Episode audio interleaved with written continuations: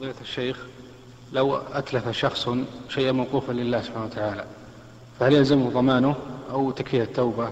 لأن حقوق الله مبنية على المسامحة آه، يقول إذا إذا أتلف الإنسان شيئا موقوفا لله فهل يلزمه ضمانه؟ الجواب نعم يلزمه ضمانه. فمثلا لو فرض أن هناك إناء موقوفا لمن ينتفع به أو هناك برادة ماء في مسجد لمن ينتفع بها. فجاء شخص وأتلف ذلك فإن عليه الضمان بلا شك. وهو أيضا آثم يجب عليه أن يتوب إلى الله مما صنع. ويضمن الشيء بمثله إذا كان مثليا وبقيمته إن كان متقوما.